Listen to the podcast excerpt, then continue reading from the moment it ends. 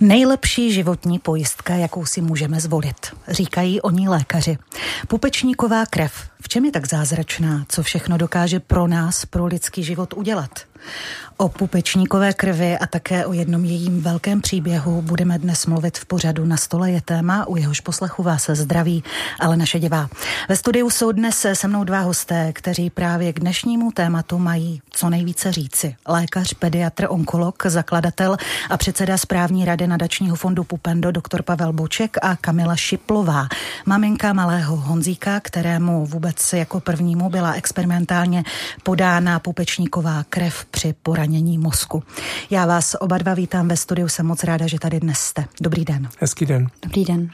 O tom, že je pupečníková krev, eh, krev právě narozeného dítěte vzácná, o tom dnes už není pochyb, to dobře víme.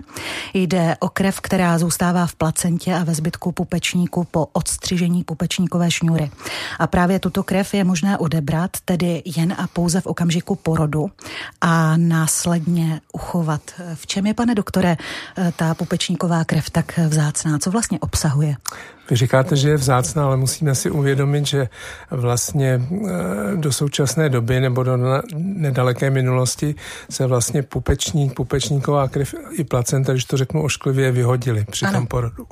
Takže uh, postupným vlastně bádáním a zjišťováním a zkoumáním se zjistilo, že ten pupečník, eh, který je určitou dlou, eh, relativně dlouhý, obsahuje ještě krev, která spojuje vlastně to miminko s tou placentou a že obsah kmenových buněk, které samozřejmě v posledním desetiletí jsou eh, jaksi na programu různých vědeckých bádání, ať už jsou to kmenové buňky z kostní dřeně, anebo právě kmenové buňky z pupečníkové krve, tak ten jejich obsah v tom, v, te, v tom pupečníku je obrovský nebo veliký.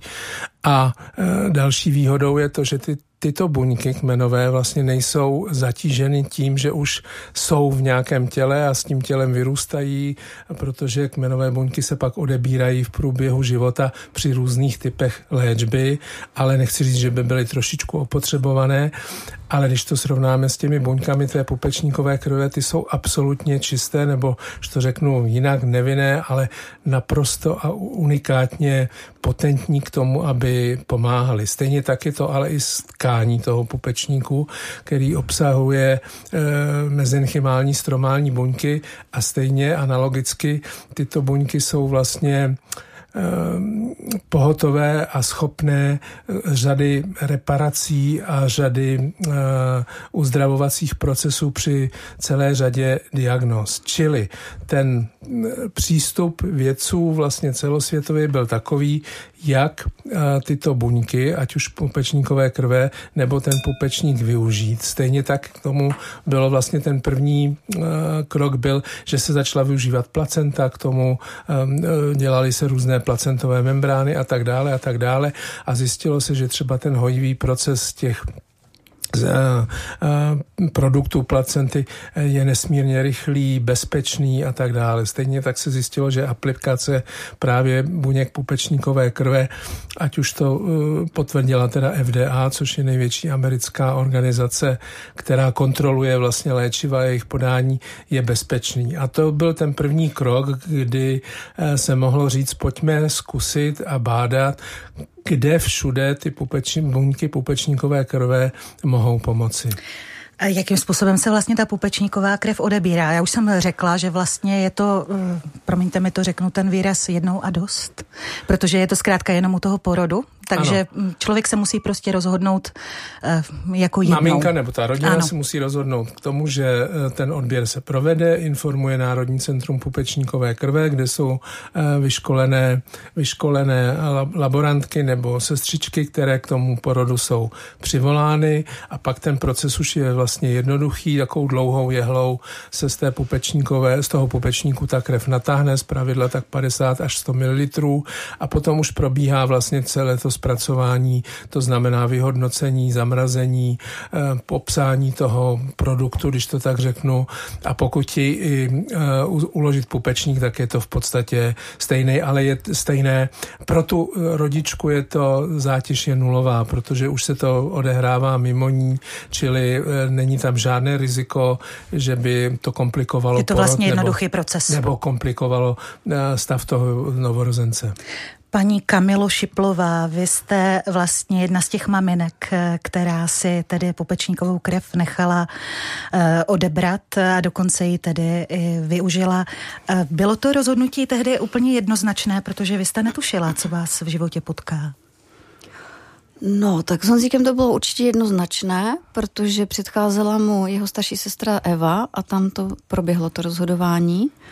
A my jsme nějaké informace dostali, my si to doteď nepamatujeme, asi u uh, našeho, u mého ginekologa, takže jsem donesla domů leták, začala jsem googlovat, řešit to, vyptávat se potom uh, doktoru, informace tehdy moc nebylo, ale jedna prostě naše rodinná známá neonatoložka řekla, že vlastně uh, uh, takovou myšlenku, která se mi hrozně líbila, říkala prostě nevíš, co bude za 30 let a uh, ta věda jde hrozně moc rychle a je to taková prostě investice a do toho zdraví toho dítěte. Takže to se mi jako líbilo. Uh, takže jsme udělali ten odběr Evičky a uh, když potom Honzika, jsem čekala už Honzika, jasné. tak už manžel se zeptali, jestli teda zase budeme to tak jako odebírat. Platit.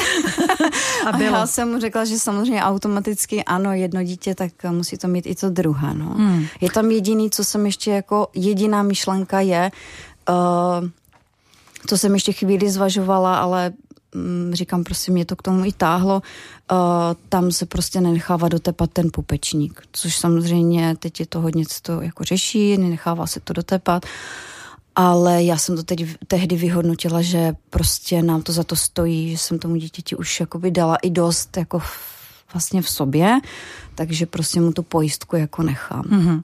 Příběh Honzíka, vašeho syna, je jedním z prvních příběhů pupečníkové krve u nás zhruba před dvěma lety. Se vám, nebo možná už skoro třemi, se, tři roky, ne? se vám život obrátil doslova na ruby. Řekla bych, vašemu synovi se stala nehoda, po 20-minutovém tonutí zůstal v komatu a po dvou měsících... Není dost... to úplně přesné teda? Není to přesné, ne, tak ne, ne. jak dlouho se topil, kdybyste měla tedy být uh, přesná? Ty ženy, co ho hlídali, uh, protože jsem toho zrovna nebyla, já jsem ho svěřila a prostě vrátila jste? jsem, ano. no, vrátila jsem se asi za dvě minuty a Uh, bohužel prostě tím, že oni stáli před tím jezerem, tak jsem se na to jezero ani nepodívala. Brala jsem to tak, že prostě jsou pořád na tom stejném místě. Že někde tam je prostě. Nedívali uh-huh. se do mobilu z mýho uh-huh. pohledu, prostě byli přítomné. Takže je taková z záhada takže jsem ho šla hledat na jinou stranu a pravděpodobně jsem ho hledala tak asi pět minut. Takže předpokládá se, že v té vodě byl pět minut. Následovala uh, mnou prováděná resuscitace. A, uh, laická resuscitace. Mm-hmm. Bylo to teda za já a moje vlastně kamarádka, která je ale zároveň doktorkou uh, na ORL. Eh, Peťa Novotná, takže eh, plus potom ještě jedna maminka, která prostě mě eh, vystřídala někdy v půlce. Takže to byla lajská resuscitace, která asi byla kvalitní, když to mhm. tak říkali, uh, protože nás ta sanitka nemohla 20 minut najít. Uh-huh. Nakonec dorazil teda vrtulník a sanitka zároveň a pak ještě proběhlo 6 minut, kdy dostal teda adrenalín do kosti dvakrát a uh, srdce naskočilo, zornice vlastně ne. Uh-huh. Takže... Tak a po měsíci tedy dostal Honzík eh, transfuzi pupečníkové krve, své vlastní krve, kterou tedy jste mu nechala eh, při porodu eh, odebrat. Co se poté stalo? Co poté následovalo? Já, já Teď je to na vás, ano. Tomu, co říkala paní Kamila, protože to považuji za důležitý, že vlastně ty informace o tom, že si mohou tu pupečníkovou krev uschovat, získali různě tak z ano. různých zdrojů. A to byl vlastně důvod, proč vznikl ten nadační fond Pupendo. My máme ambici eh, v tom, že se snažíme eh, tuto kapitolu rozkrýt a vlastně tu možnost uschování pupečníkové krve, nechci říct popularizovat, ale dát vůbec v široké vědomí, protože řada maminek, které jdou rodit, o, o té možnosti nevědí. vůbec hmm. nevědí. Hmm. A dokonce ani z rodin, kdy třeba se vyskytuje ať už onkologické onemocnění, diabetes nebo podobně, kde by ta indikace byla ještě daleko eh, větší než u rodin zdravých. Čili hmm. to byl důvod, proč vzniklo Pupendo, abychom šířili osvětu, ať už, ať už u vás a ty dneska, dobré informace, ano. Eh, v televizích, eh, na billboardech a podobně. Hmm. Samozřejmě, že ta druhá otázka je taky, jak paní Kamila zmínila, je to otázka komerční, protože přece jenom to zpracování, uschování a potom to dlouhodobé udržování něco stojí. Ale Eh, já vždycky říkám, kdyby jedna pupečníková krev z deseti tisíc zachránila život dítěte, tak, tak to, to stojí skvělé. za to. Určitě, my se ještě určitě tady k těmto faktickým věcem vrátíme i k nadaci Pupendo, ale pojďme teď ještě se podívat na ten váš příběh. Eh, tedy sdělila jsem, nebo řekla jsem, že po měsíci Honzík dostal transfuzi pupečníkové krve. A co tedy potom se stalo? Co se dělo? No, tak uh, ono vlastně následovalo to, že když on se Honzík dostal do nemocnice, tak uh, ten uh, v podstatě průběh byl jako takový beznadějný. On po uh, pár dnech, uh, když to zkrátím, tak asi po osmi dnech uh, z toho stavu uh, podle výsledku EEG nám sdělili, že je vlastně jako ve vigilním koma, má bolestivé opistotony, takže má vlastně jakoby neskutečný bolesti, vypadá to jako otrava tetanem fakticky, uh, což neměl, ale prostě uh, bylo to vlastně asi úplně to největší dno. Máte dítě v komatu, to je jedna věc, ale druhá věc je, že prostě Ta má šílené nemoci, Aha. šílené, šílené bolesti. Jo, to mm, je opravdu jako... Jakou vám dávali šanci tehdy? Žádnou, Co vám řekli? Žádná žádnou. Šance. Je to prostě v podstatě... Uh, dostáváme se k tomu, že tady uh, jsme na hranici, uh, doktoři nevědí. Hmm. Uh, samozřejmě řekli, že zázraky se můžou stát, ale fakticky, když jsme se ptali, co bude, tak řekli prostě tak za tohohle stavu protože to tělo bylo přetěžované, musel být kontinuálně pod opiátem a dostával bolusové opiáty, aby vůbec prostě byl schopen chvíli usnout. Takže to tělo prostě řekli, že prostě zůstane, pravděpodobně zůstane v komatu hmm. a po deseti letech zemře. A zázrak se tedy ale stal? Protože... U nás se zázrak stal. Hmm. Uh, řekli nám v podstatě, že tam proběhl baklofenový test, což je standardní postup. Na tohle to nic nepomáhalo. Dostali jsme se do situace, kdy vlastně jsme měli už tehdy jasný, že jsme paliativní pacienti, tudíž, že léčba není. Uh, řekli, můžete zkusit hyperbarickou komoru, pade na pade, že vám to pomůže. Topený děti prostě mají nejhorší prostě prognozy. Uh, ta hyperbarická komora se povedla tehdy na sedm expozic, uh, což je jedno to potopení. Poté jsme se vrátili a my jsme si teda pro, prosadili tu popečníkovou krev, takže na, mu aplikovali tu, k, k, tu vlastní popečníkovou krev, krev a následně jsme odjeli do hyperbarické komory v Kladně, kde absolvoval dalších 24 expozic, takže jich měl potom dohromady 30.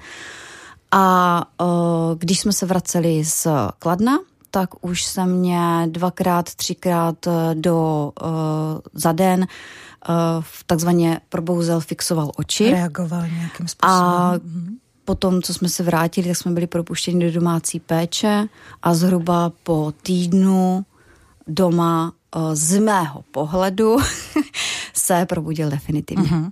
V případě mozkové smrti, pane doktore, vypovězení mozkových funkcí eh, bylo podání pupečníkové krve eh, vůbec poprvé. Eh, šlo tedy o experimentální léčbu, jak už jsem říkala, ale lze tedy říci, že s nejistým výsledkem. To se samozřejmě dopředu nevědělo. Je tedy Honzík jakýmsi živým důkazem, že pupečníková krev může právě při tak velké míře postižení mozku opravdu pomoci?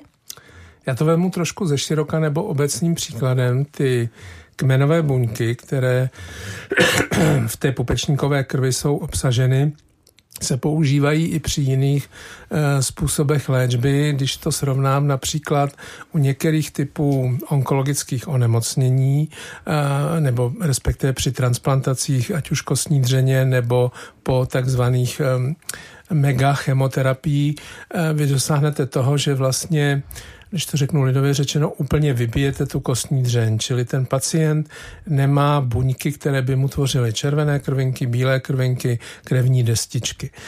V tu chvíli, kdy je vlastně takhle na té nule, dostane transfuzi, ať už teda pupečníkové krve nebo, nějaké, nebo nějakého produktu, který obsahuje ty kmenové buňky.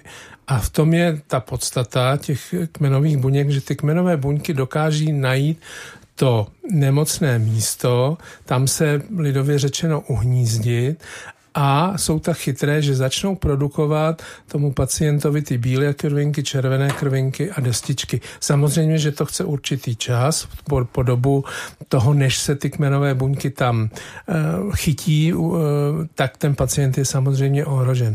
A tenhle ten princip je vlastně obecný i, na, uh, i pro ostatní diagnózy a těch studií, které uh, a použití při těch hypoxicko-ischemických stavech, to znamená, že ten eh, mozek a ty mozkové buňky nemají eh, kyslík, nemají průtok krve, odumírají anebo jsou afunkční, čili ten princip je ten, že, nebo předpoklad, že ty kmenové buňky, které se do toho mozku dostanou, přece jenom v nějakém určitém procentu, které nedokážeme odhadnout, ty buňky mrtvé nahradí, převezmou jejich funkci. E, nevím, jak to, myslím si, že i u Honzíka to časově taky e, vlastně bylo, že nějaké to zlepšení v podstatě nastalo po dvou až třech týdnech potom, po té transfuzi. No, v podstatě my, když jsme pak ještě jezdili na kmenové buňky, tak tam jsem se dozvěděla, že vlastně ona ta krev nabíhá tak za ten měsíc a u nás to bylo přesně vlastně po podání té pupečníkové krvi, hmm. tak plus minus měsíc a týden, tak došlo k tomu probuzení hmm. z toho komatu. Šlo tedy o přelomovou léčbu, pane doktore? Šlo o přelomovou léčbu. Jednu věc vlastně nechápu obecně, že eh, ty rodiny mají produkt, který je vlastně vlastní tomu tělu. Eh, je imunologicky mm, zcela neškodný a přesto u nás zatím není povoleno tento eh, produkt podávat, protože eh, to není, není vlastně oficiálně schváleno. A když to porovnáme s tím, co do, lidech, do lidí cpeme, teda v uvozovkách, ať to jsou čínské léky nebo, nebo prostě megahormony, chemoterapii, cytostatiky, tak mi to srovnání trošku, trošku klouže nebo vadí, že bychom v tomhle měli být progresivnější a jestliže to podání je bezpečné, jak je teda uváděno, tak tak to přeci jenom povolit, protože vlastně eh, u Honzíka to bylo tak, že mm, to riziko na sebe vzal lékař, který na tom oddělení, kde, kde Honzík ležel a vlastně nechci říct, že pokoutně, ale v podstatě experimentálně mu ta pupečníková jeho vlastní byla podána. Takže to není tedy úplně běžné. Teď se dostáváme vlastně k té běžné, otázce, ano. že vše muselo projít nějakým schvalovacím procesem, aby paní Šiplová tedy mohla uh, svému dítěti, svému synkovi eh, podat jeho vlastní pupečníkovou, jeho vlastní krev, pupečníkovou krev. V tomto jsme asi ještě stále v plenkách, asi oproti světu. Já se ještě chci vrátit k Honzíkovi. Eh, vlastně ta, eh, ta nehoda se mu stala, vy jste mě řekla přesné datum, 4. června roku 2020. Teď máme březen, 3. března roku 2023. Co Honzík dnes dokáže? No je, je. to řekněte určitě radostně. Na to, že byl v komatu, tak já to samozřejmě vím, ale musí to zaznít od vás. Uh, no, tak dokáže, no. Tak uh, prostě rozhodně teda není v komatu už dávno. Uh, není teda, musím říct, že jako není pořád samostatný, je na plínkách, vyžaduje 24 hodinovou jako péči, péči ale uh, je to v tom duchu, že on uh, leze. Já bych to jenom ještě chtěla možná říct, že jako, aby to tady i vyznělo, protože on potom jako proběhla ta léčba ještě potom následná. Ano, že tím to neskončilo, podáním to, pupečníkové to krve. Ale já bych jenom chtěla říct, že vlastně jako on, když dostal tu pupečníkovou krev, tak on vlastně, ta pupečníková krev za měsíc naběhla, takže on se uh, vlastně od toho podání, kdy to dostal 9.7., tak on se plus minus někdy v půlce srpna probudil z toho komatu. a za následný měsíc a půl to vím určitě, protože jsme nastupovali pak jako do Lázní, do Klinkovic, tak za ten měsíc a půl z dítěte, které bylo uh, naprosto ležák, kam jsem ho položila, tam ležel, v podstatě jenom koulel očima, nedokázal nic, obličej měl spastický, takže vlastně jste nepoznali radost jako vůbec nic, tak začal kopat nožičkama, přetočil se mě, zvedl hlavu, šel do kleku, do vysokého kleku a následně si stoupnu. Tohle i u malého mimina máte za nějaký rok já jsem to viděla za měsíc a půl. Hmm. Po té pupečníkové krvi, která vám potom tam běží dva, tři měsíce, pak se to spotřebuje. A já jsem to prostě v tom přímém přenosu viděla, eh, že tohle se stalo a i následně potom, když eh, dostával teda ty kmenové buňky, které už byly darované, tak eh, tam vždycky se stala nějaká změna. Ale po té pupečníkové krvi to bylo opravdu velké.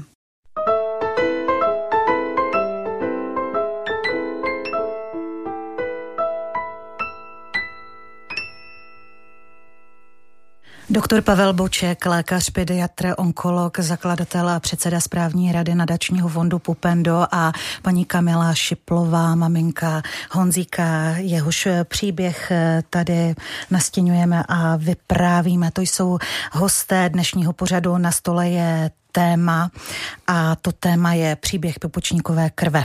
Ano, mluvíme o té to tekutině životodárné, jak jsem říkala a já se přiznám, že i já s ním mám osobní zkušenost, zdali ji můžu vám sdělit, pane doktore, protože vlastně už to, co jste zmínil v tom předchozím čase, bylo poměrně zahrážející, jak složité bylo, aby paní Šiplová mohla vlastně svoji vlastní pupečníkovou krev nebo svého dítěte eh, použít.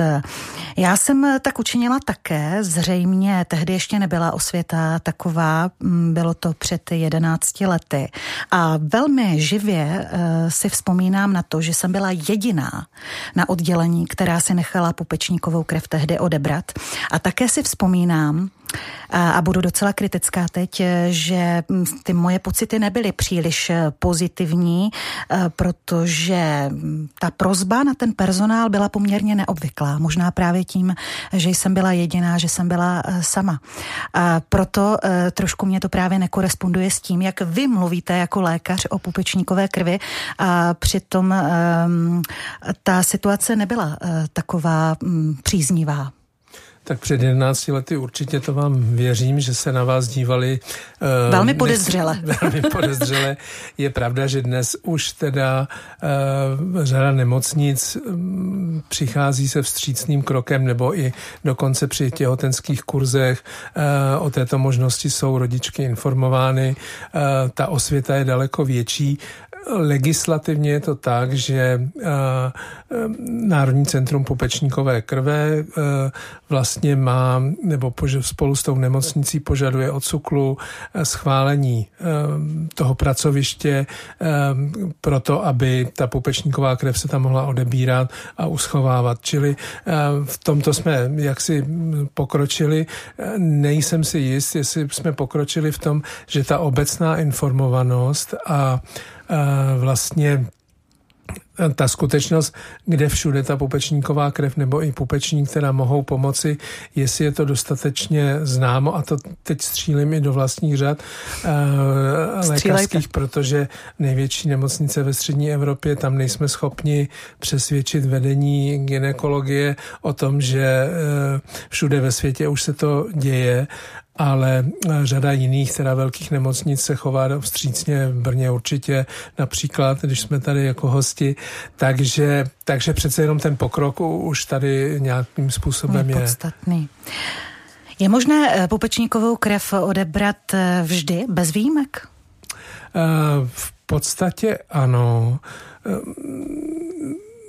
musí, musí ten porod být definován v nějakém čase a e, v nějakém místě, aby tam byly přítomny e, ty laborantky, které to e, odebrat umějí.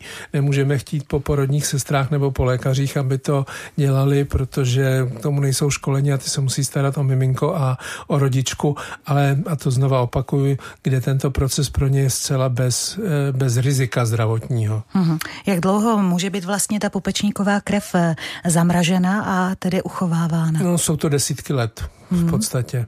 Takže dá se říci, že třeba už my jako rodiče, obracím se i na paní Kamilu, eh, tady nemusíme mít a děti být a děti naše budou moci třeba využít právě tu svoji pupečníkovou krev?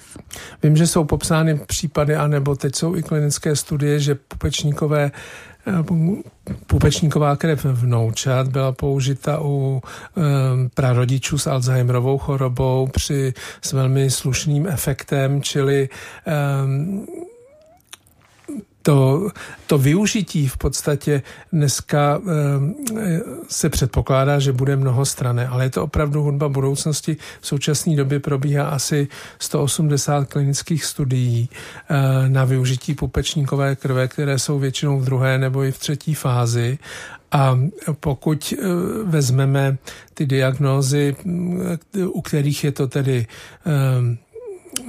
ten předpoklad, že to pomůže, tak zde máme dětskou mozkovou obrnu, autismus, Parkinsonovu chorobu, diabetes prvního typu, kde jsou velmi nadějné výsledky, čili, a když si uvědomíme, že diabetes má v Česku milion lidí hmm. téměř, čili eh, věřme tomu, že to jednou bude eh, velice dobrý eh, pomocník při léčbě různých stavů. My jsme se tady ještě před vysíláním bavili i o tom, že řada genetických chorob, které jsou vrozené, zda tam to pomůže, tam, ta, tam ten efekt není, protože už vlastně i v té kmenové buňce je naprogramováno vlastně, že, že se bude vyvíjet špatným, um, špatným směrem, což zase zavdalo um, příčinu k jedné studii, kdy dneska dokonce všechny, nebo v některých státech uh, v rodinách, kde je nějaký uh, vyšší výskyt nádorových onemocnění, zkoumají ty buňky z pupečníkové krve s ohledem na to, zda to dítě jednou třeba bude mít leukemii nebo ne a když si uvědomíme, že 350 dětí v České republice každý rok onemocní nádorovým onemocněním leukemie eh, tvoří téměř 40%, čili zase tady by byl velký pokrok, protože budeme, je to teda hrozný vědět, že to dítě eh, je v rizikové skupině. Ale na druhou stranu hrozné, ale na druhou stranu pozitivní, protože opravdu se na to můžeme nějakým způsobem připravit, tak jako se nemůžeme připravit třeba na nějaký úraz, na nějakou nehodu hmm. v případě právě paní Kamily. No já k tomu jenom ještě mám, že vlastně my máme eh, schovanou stále tu pupečníkovou krev dcery. Pár lidí se mě právě ptalo, jestli ji použijeme ještě pro Honzíka, a já právě ji nechci použít nikdy pro Honzika. My jsme Honzikovi pak koupili jako kmenový buňky, jako jeho vlastní, eh, jakože ty, ty, ty od toho dárce a následně, ale já to prostě, Honzik si dostal svoje a já tu pupečníkovou krev schovat? nechám pro Evu, protože já jsem jako v podstatě přesvědčená, že pokud ji čeká minimálně tak třeba do 80 let, uh, jako jaká je pravděpodobnost, že bude mít prostě nějakou nemoc, jo. Hmm, hmm. Minimálně prostě každý Třeba onkologickou. Uh, hmm. Rakovina, prostě, hmm. i kdyby to i kdyby měla prostě špatný klouby. Hmm.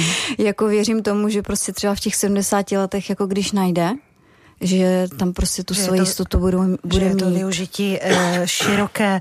A vlastně eh, vůbec jsme nemluvili o tom, jak ta transfuze probíhá. Jako je to klasická transfuze a eh, vyčerpá se tedy celý ten, kolik vlastně se odebírá pupečníkové krve. Teď mě to vlastně nabízí se tato otázka a jestli se použije v případě, že je nutné ji použít úplně veškerá. Odebírá se 50 až 100 ml, to se teda zamrazí do takové do takového vaku eh, a je to zamražené a pak se použije v podstatě eh, všechno.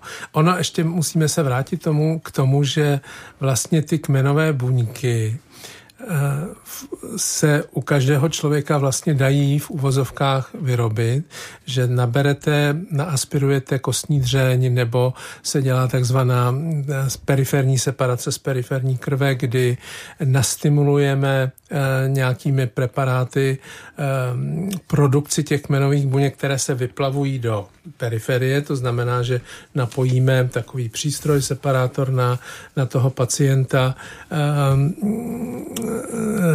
a vlastně z té krve potom se počítá, aby, protože musíme mít aspoň dost nějaký počet těch kmenových buněk a třeba ta separace probíhá třikrát, čtyřikrát. Já jsem vlastně v roce 90, tuším 4-5, Ehm, to prováděl, tyto separace. Z jednou z pacientek byla Olga Havlová, která při svém teda nádorovém onemocnění se předpokládalo, že by ty kmenové buňky jí mohly pomoci. pomoci čili eh, ty kmenové buňky se dají získat i touto cestou, ale pořád, když se vrátím k té pupečníkové krvi, tak je to takový přístup nejčistší, nejbezpečnější a vlastně nejefektivnější, protože těch kmenových buněk je tam nejvíc a nejsou, jak už jsem jednou říkal, v uvozovkách vyčerpány tím dosavadním životem, jak ten člověk žil, jak, jak byl vystaven mm, stresovým situacím a podobně a, a, a tak dále. A to jsou jsou kmenové buňky. A pak máme ještě mezenchymální stromální buňky, které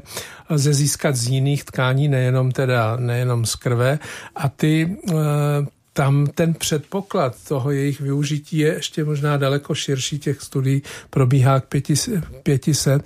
Za všechny řeknu, že tyto mezenchymální stromální buňky už se dneska používají při léčbě akutního infarktu, kdy ti vědci eh, akutní infarkt si musíme uvědomit, že vlastně odumře část srdeční tkáně, řeší se to třeba bypassem nebo nějakou léčbou, ale nikdy eh, nelze dosáhnout toho, že ty buňky, které jednou odumřou v té stěně toho srdce, se zreparují nebo znovu začnou um, pracovat. Takže z těch mezenchymálních stromálních buněk se dělají takzvané listy, kde se jakoby udělá jejich celá řada, aplikují se do toho místa a skutečně posílí to místo a začnou tu srdeční tkáň hojit, což mi přijde teda úžasný. Mm-hmm i mě, pane doktore, vůbec jako lajkovi. Já myslím, že eh, nám všem eh, ta pupečníková krev je určena eh, pouze těm dětem, kterým byla odebrána. Teď narážím na další otázku. Zdali my už máme zkušenosti třeba s registrem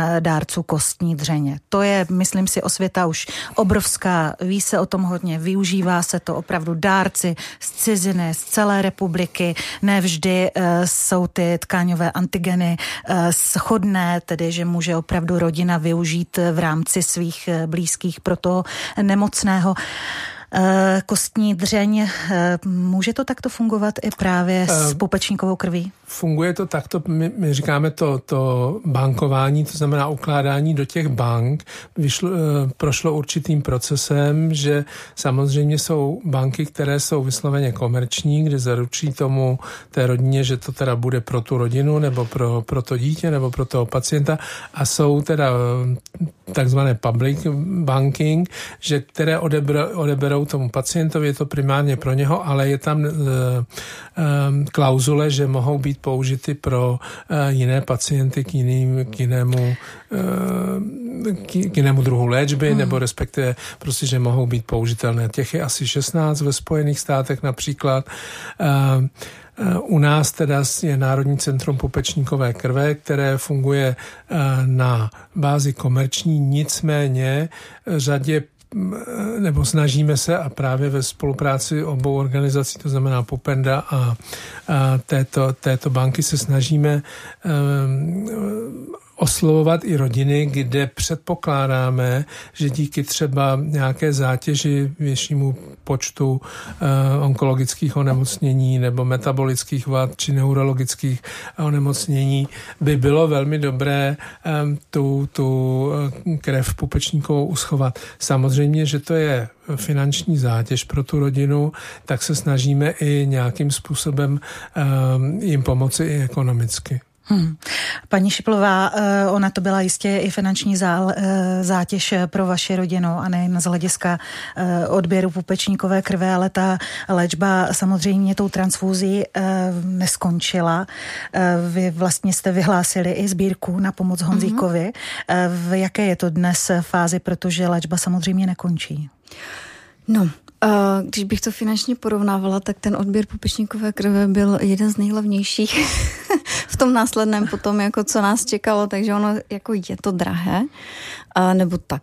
Určitě se to zdražuje, jako všechno se dneska hmm. zdražuje, e, takže to, co my jsme platili tehdy, určitě dneska už neplatí, je to hmm. ještě mnohem dražší, to zase e, nepopírám, ale e, potom, když bych srovnala tu cenu, co my jsme platili za darované vlastně za ty kmenové buňky od dárce, tak uh, ta cena za ten odběr, jako to se vůbec nedá jako finančně srovnat. A my jenom, ještě bych řekla, že tam je to, že jste říkal ten počet, co se odebere.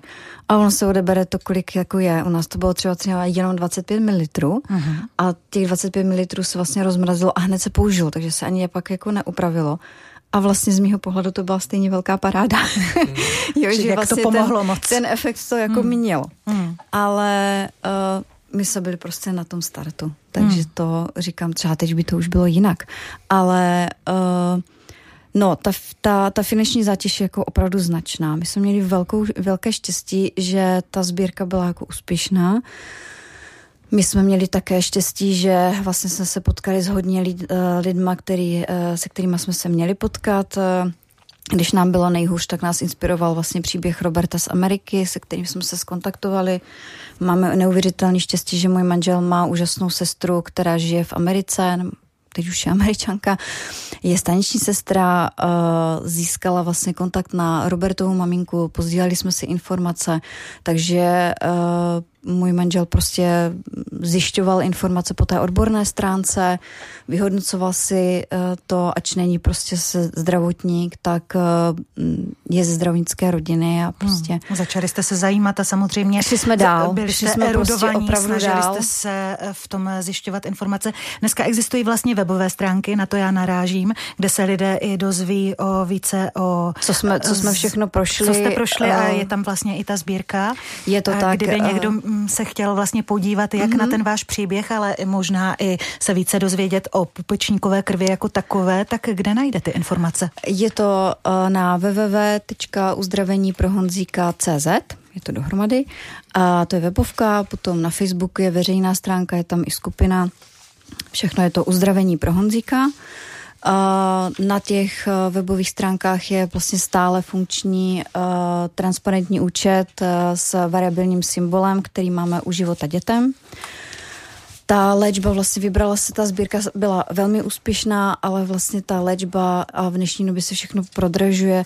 My vlastně jezdíme do Ameriky na laserovou terapii. My jsme vlastně v situaci, kdy my uh, zjišťujeme a uh, zkoušíme věci, které prostě nikdo tady nedělá v Čechách. Uh, ta laserová terapie v té Americe nám docela funguje, ale bohužel my tam jezdíme dvakrát ročně, ale jedna návštěva stojí půl milionu. Hmm, tak Takže proto vlastně sbírka na Honzíka stále pokračuje. Je, je, to, je to furt v běhu, tak uh, kdyby uh, někdo chtěl přispět, jako nebráníme se tomu, ale uh, jako říkám, bylo, byl, ta sbírka byla úspěšná, máme teďka ještě šanci, máme ještě nějaké rezervy, ale mm, je to opravdu a bude to běh na dlouhou trať hmm. ještě.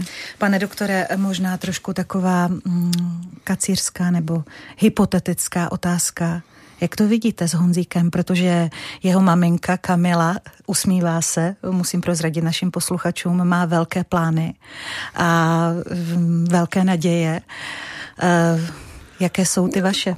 Já smekám, protože ta rodina eh, v podstatě z dítěte, které bylo když to řeknu ošklivě, preparát udělala krásného klučíka, který vnímá, leze, vnímá tu rodinu, ta rodina vnímá jeho. Ty pokroky jsou v podstatě, mm, lze říci zázraky, když to slovo ne, nemám rád, tak se stal zázrak. Nepodílí se na tom jenom ta pupečníková krev, ale z řada těch dalších postupů rehabilitací. Taky vůle a síla vůle rodiny. a síla.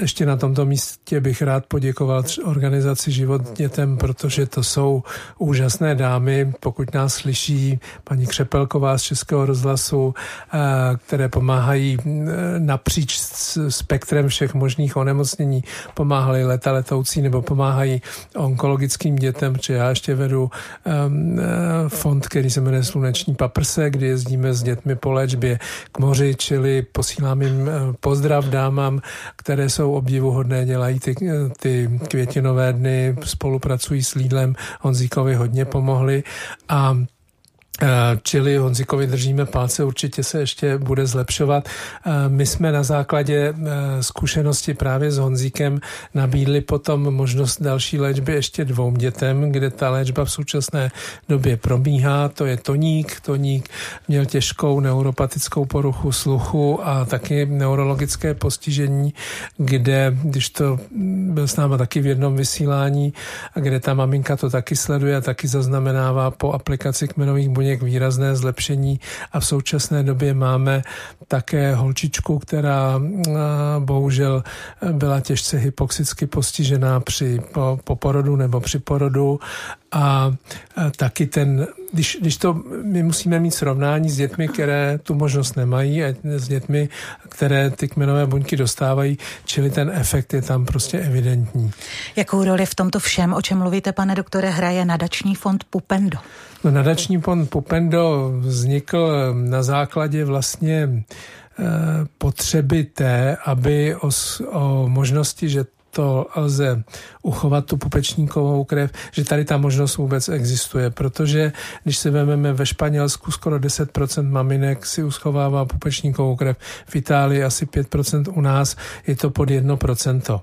Hmm. Čili eh, je to stále ta, slabé, ta, malé, ta nízké. Osvěta hmm. byla mm, nulová a jak jsem už jsem předeslal, dokonce i skeptická, skeptické mm, informace od, od nás, lékařů v současné době a Pupendo teda vzniklo proto, aby tyto mýty zbořilo a aby i prostě pomohlo rodinám, které to potřebují, takže ten základní, ta základní myšlenka byla, pojďme do televize, pojďme na billboardy, pojďme jinam, že tady ta pupečníková krev je a že ta možnost tady vůbec existuje. Oslovili jsme pana eh, režiséra Hřebejka, zda by mu nevadilo použít ten eh, název toho filmu. On to výrazně podpořil, i pan profesor Pavko a celý štáb toho filmu, takže teď se vezeme na vlně toho hezkého názvu a doufáme, že eh, když pomůžeme dalším dětem, tak budeme jedině rádi. Já myslím, že když mluvíte o té reklamě, o tom eh, PR, jak se dnes eh, používá tohleto sousloví, takže právě Kamila Šiplová a Honzík jsou takovou živou vlajkovou chod... lodí. To cho... vlajkovou lodí a chtěla jsem říct živou chodící reklamou na pupečníkovou krev, že, že to je úžasné. Víte, přemýšlím nad tím, jestli, mm, protože z vaší řeči vyplývá, že pořád eh, Česká republika je tak trošku v plenkách, už jenom když jste řekl to procentuální vyjádření, hmm. že zkrátka to není úplně automatické.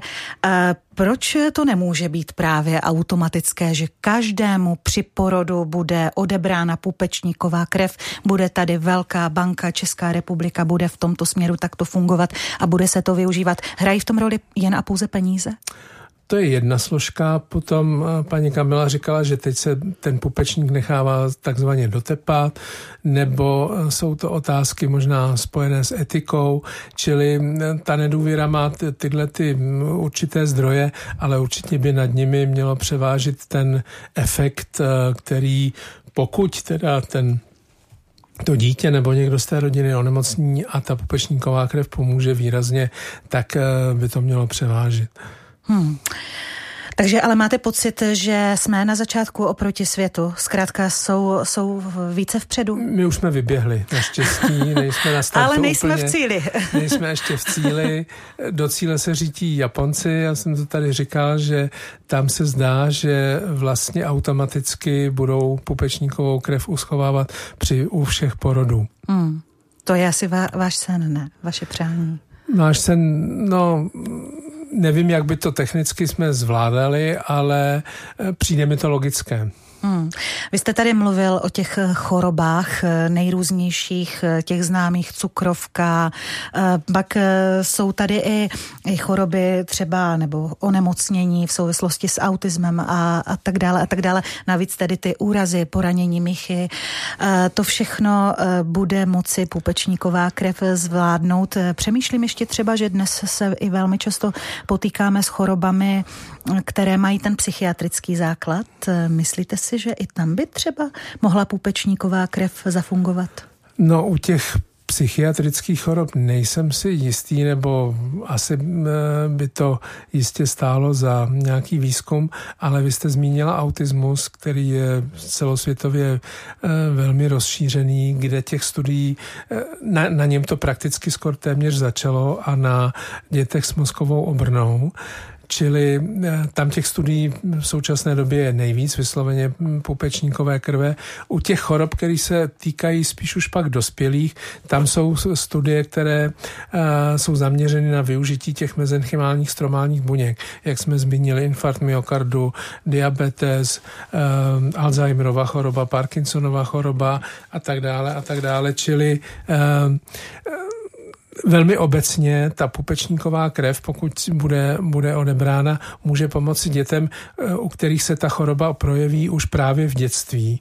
Ať už je to uh, autismus, protože autismus se eh, bohužel pozná třeba až v druhém, třetím roce života.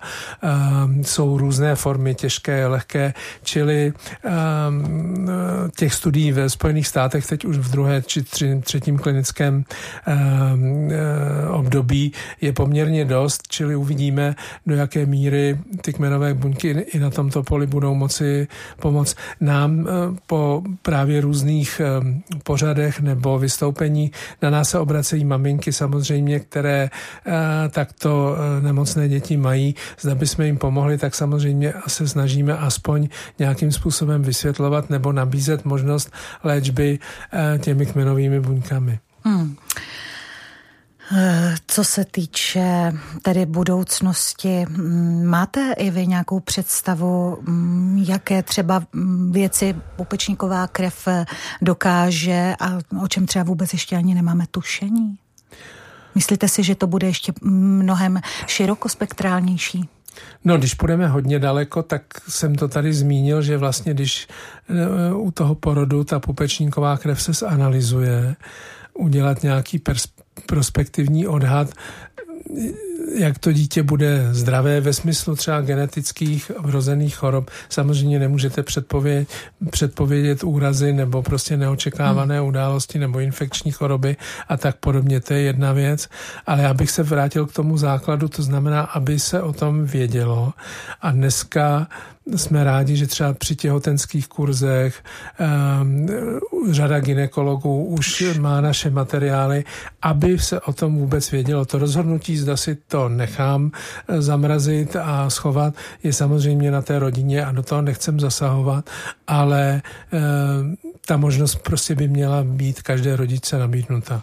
Víte, už jsem slyšela takový názor, že vlastně lidé zvažují, zdali, protože každý rok i za to uchovávání, nejenom tedy za ten odběr, je to nějaká finanční částka, ale samozřejmě to uchovávání taky nepatří mezi to nejlevnější, ale zase na druhou stranu eh, třeba ta částka eh, je odevzdána někdy za jeden jediný nákup eh, v potravinách u pokladny a, a vlastně za to my si pořídíme možná vyléčení nebo záchranu lidského života.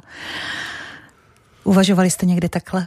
Říkáte to takto lidem? Takhle to říkáme a e, vždycky říkáme, teď se ten cený materiál vlastně vyhazuje, proč si neudělat takovou krabičku naděje. Hmm. Je to úžasné. Krabička naděje je i u šiplu, ještě jedna tam e, zůstala, protože máte dvě děti, Evičku sedmiletou a Honzíka čtyř a půl letého, kterému budeme do budoucna velmi držet palce a budeme samozřejmě váš příběh sledovat. E, vaše, vy jste vlastně úplně zcela neodpověděla, když jsem se ptala na ty vaše plány, ale dokonce jsem od lékařky slyšela, že doufáte i v to, že jednoho dne se vydá i do klasické základní školy, dojde tam a bude vlastně jejím žákem? Tak, já jako tyhle plány mám. Eh, když se to řekne nahlas, tak pak ty doktoři na mě koukají a tak jako jenom se tak Ale jako pan doktor Boček kouká docela normálně. Si, pan Boček, ten ano, možná si to nedovolí mi opanovat, ale tak jako působím jako blázen, že jo? To jsem působila už jako v té nemocnici, ale uh, já prostě aspiruju na to, že já ten potenciál v tom Honzíkovi vidím, on prostě vyjadřuje své emoce, mentálně mi prostě jde, ano, nějakým způsobem je tam jde třeba dopředu. uh, mentálně může být teďka na tři roky, jsou mu čtyři a půl roku, vymýšlí si sám znaky, pomalinku začíná prostě se rozmlouvat, opravdu jsme teda v plenkách, ale prostě já aspiruju na to, že prostě jednou uh, bude zdravý, ano, plus, minus, může tam mít prostě nějaký menší handicap, handicap. ale uh, pro mě jakoby asi hodně zásadní, že teda uh, jako doufám, že to tak prostě pořád je, že prostě mentálně jde dopředu, to je zásadní a uh, jdu dopředu a jenom jsem ještě chtěla taky vlastně poděkovat životu dětem, hlavně paní Stenadové, protože tak, když s vámi mluví, tak to je jako když vás hladí svým hlasem. A bez nich bychom vlastně tu i tu následnou velkou péči, kterou mu jako věnujeme, tak eh, a bez, těch, bez toho, že ti dárci nám prostě opravdu poslali hodně peněz a hodně důvěry, tak bez toho bychom to nemohli Honzíkovi poskytnout. A další věc je, proč jsme jsem chtěla zmínit to naše ty webové stránky, i tu facebookovou skupinu a proč vlastně jsem tady, že uh, já cítím i tu povinnost to nezdál. Já cítím povinnost vlastně uh, těm rodičům říct, že mají tady tu volbu, co se týká stran popečníkové krve, říct, eh, že prostě, protože jsem byla v té situaci, kdy jsem hledala jakoukoliv zprávu, uh, že když prostě se vám něco takového stane, existuje někdo další, kdo, když byste náhodou, nedej bože, někdo tak byli, klidně mě můžete kontaktovat přes ty webovky. A vlastně jenom šířit tu informaci, protože vím, jaký to je být úplně v tom největším prostě uh, dnu. Zoufalství a smutku. A jakou a velkou, jste se odrazit. Přesně tak. A hmm. jaké velké prostě pro nás naděje byla, že jsme třeba se inspirovali tím Robertem. Takže já vlastně to dobro, které nám poskytla i, ta život, eh, i ten život dětem, i ti dárci, vlastně to, co všechno nám prostě neposílali, chceme proměnit dál a přeměnit to dobro jako dál, aby se to neslo a vlastně aspoň nějakou menší měrou svojí i tím Honzíkem, i tím příběhem, i když tak osobně pomoci eh, třeba si jenom popovídat, tak to chci nést dál. Pane doktore, už máme velmi málo času, ale tak alespoň ve stručnosti eh, takovéto klienty, takovéto pacienty, to je vám milé, že? To je nám milé a já myslím, to že je paní, to, co potřebujete. paní Kamila to řekla všechno. Eh, my prostě budeme rádi, aby česká veřejnost tuto možnost měla, věděla o ní a jak jsem řekl, pokud to pomůže jednomu z deseti tisíc dětí, tak určitě budeme rádi a proto to tady ta možnost je a eh, byl by hřích to nevyužít.